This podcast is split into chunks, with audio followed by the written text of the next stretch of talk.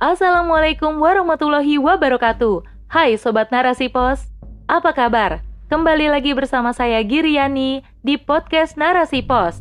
Kali ini dengan rubrik World News. Narasipos.com Cerdas dalam literasi media, bijak menangkap peristiwa kunci.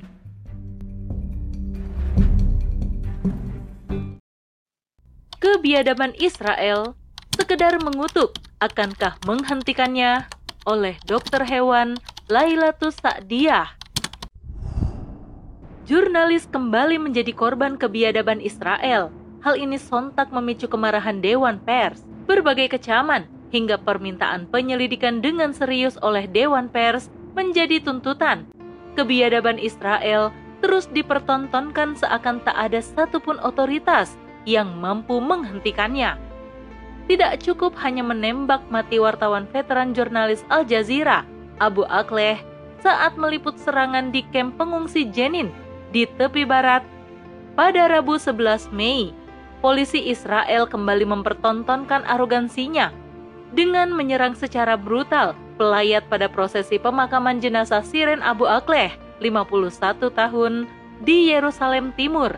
Jelas kondisi ini menambah kemarahan masyarakat. PBB pun ikut mengecam tindakan ini. Kantor Hak Asasi Manusia PBB mendesak untuk dilakukannya penyelidikan yang independen dan transparan atas pembunuhan wartawan senior oleh Israel. PBB juga menyatakan bahwa hak impunitas atas Israel harus diakhiri. Kematian wartawan senior Shiren Abu Akleh begitu menarik perhatian dunia internasional dan menarik perhatian publik. Tak sedikit komentar para tokoh politik dunia mengutuk tindakan Israel karena Shiren Abu Akleh ditembak mati oleh Israel saat bertugas dan masih menggunakan rompi pers. Terlepas memang apa yang dilakukan Israel adalah tindakan yang tidak dibenarkan dan melanggar hukum internasional, layaknya saudara kita di Palestina yang setiap hari meregang nyawa melawan kebiadaban Israel harusnya mendapat perhatian yang sama. Namun faktanya, di satu sisi, dunia telah melihat betapa biadabnya Israel dalam pembunuhan wartawan senior Siren Abu Akleh. Namun nyatanya, Israel dengan percaya diri telah mengatur siasatnya sendiri. Menanggapi hal tersebut, Israel telah menyuarakan penyesalan atas kematian Abu Akleh. Israel mengatakan bahwa tembakan maut itu mungkin dilakukan oleh seorang pria bersenjata dari pejuang Palestina.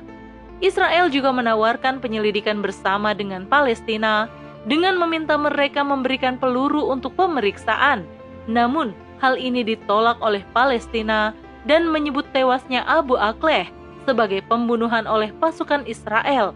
Presiden Palestina, Mahmud Abbas, pada Kamis 12 Mei mengatakan Israel lah yang harus bertanggung jawab penuh dan menyerukan penyelidikan internasional. Lalu, siapa sebenarnya yang harus bertanggung jawab atas pembunuhan ini?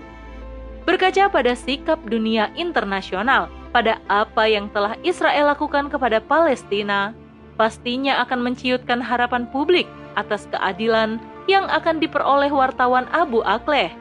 Karena selama ini, penegakan hukum internasional tidak pernah menunjukkan sikap serius dan tegas dalam memberikan sanksi kepada Israel atas pelanggaran yang dilakukan. Hal ini dikarenakan aksinya telah didukung penuh oleh negara adidaya, yaitu Amerika. Kebijakan impunitas yang didapatkan dari PBB menjadikannya bebas berbuat semaunya dan tidak bisa dijerat oleh hukum. Inilah mengapa berharap Israel diadili secara hukum internasional adalah harapan yang sia-sia. Adapun jika benar nantinya hukum internasional mampu memberikan keadilan bagi wartawan senior terbunuh Abu Akleh, maka ini sejatinya menunjukkan betapa pilih kasih hukum internasional dalam memandang status korban dan menegakkan keadilan. Sebagaimana yang telah diberitakan kepada publik, Abu Akleh ditembak mati saat melakukan tugasnya sebagai pers dalam liputan kondisi Palestina atas serangan Israel di kota Jenin. Kota Jenin dan kamp pengungsi Jenin terletak di tepi barat bagian utara Palestina. Kota tersebut hanya berpenduduk sekitar 40 ribu jiwa, yang terdiri dari mayoritas muslim. Adapun kamp pengungsi Jenin dihuni sekitar 10.000 pengungsi terletak di tepi kota Jenin. Kamp ini dibangun pada awal tahun 1950-an untuk menampung warga Palestina yang terusir dari kota-kota Palestina di tepi Laut Tengah yang telah jatuh ke tangan Israel pada Perang 1948. Para pengungsi berasal dari kota Haifa, Jaffa, Hadera, dan Acre. Kota Jenin dikenal sebagai kota perlawanan yang selama ini belum pernah ditaklukkan oleh Israel dan mendapatkan julukan sebagai kota neraka bagi Israel. Menurut guru besar ilmu politik dan hubungan internasional Universitas Hebron, Jalal Subki, yang dirilis dalam kompas.id, kota Jenin memiliki keunggulan dalam catatan sejarah perlawanan melawan penjajahan. Pertama, kota Jenin mewarisi sejarah perlawanan Palestina mulai tahun 1930-an, yaitu melawan kolonial Inggris hingga era pendudukan Israel saat ini. Maka, gaung perlawanan sudah menjadi identitas penduduk kota Jenin. Kedua, Kota Jenin merupakan tempat lahirnya Brigade Is-ad-Din Al-Qasam. Beliau adalah sayap militer faksi Hamas. Ketiga, kota Jenin dikenal sebagai simbol persatuan gerakan perlawanan masyarakat Palestina. Di kota inilah, semua gerakan perlawanan Palestina dari Fatah, Hamas, dan pejuang-pejuang lainnya bersatu bernaung di bawah bendera Palestina tanpa menonjolkan kelompoknya masing-masing. Keempat, sentimen nasionalisme Palestina sangat kuat di kota ini. Di kota Jenin, tertanam nasionalisme Palestina yang menyatukan identitas kelompok, ideologi politik, maupun agama. Kelima, kota Jenin tercatat telah melahirkan generasi muda perlawanan yang tangguh dalam melawan Israel.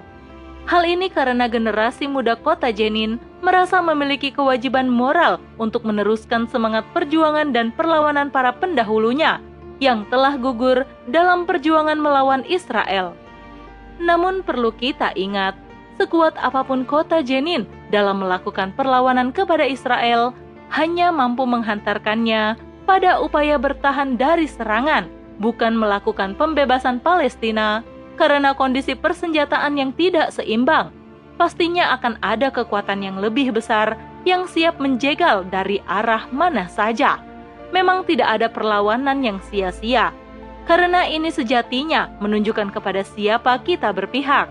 Namun, tanpa adanya institusi negara yang menaungi dengan kekuatan militer yang memadai, perjuangan Jenin melawan Israel bukanlah hal yang mudah.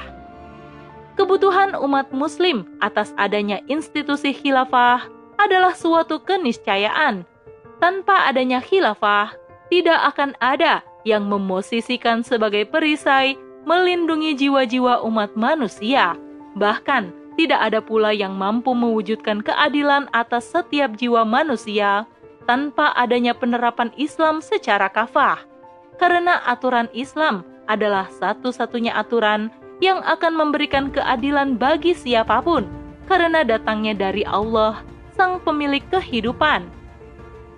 Tanpa adanya perisai umat, ikatan akidah pun dikebiri oleh sekat nasionalisme, sehingga sesama Muslim tidak memiliki kekuatan politik dalam menyelamatkan saudaranya yang sedang dibombardir Israel. Adapun jika hendak mengirimkan bantuan, mau tidak mau terpaksa harus tunduk dengan peraturan internasional yang justru melemahkan kekuatan umat Muslim. Israel bisa bertahan hingga sekarang ini karena didukung oleh kekuatan besar Amerika Serikat.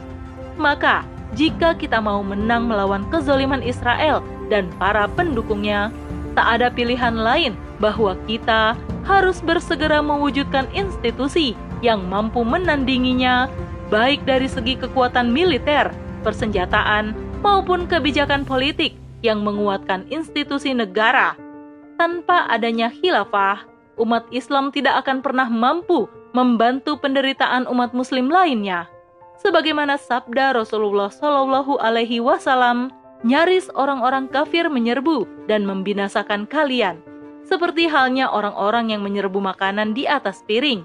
Seseorang berkata, "Apakah karena sedikitnya kami waktu itu?" Beliau bersabda, "Bahkan kalian waktu itu banyak sekali." tetapi kamu seperti buih di atas air. Hadis riwayat Ahmad, Al-Baihaqi dan Abu Daud. Itulah gambaran umat muslim saat ini. Kita mampu berpikir politis akan apa yang menjadi pokok permasalahan di tengah-tengah umat, yaitu karena ketiadaan khilafah sebagai perisai umat.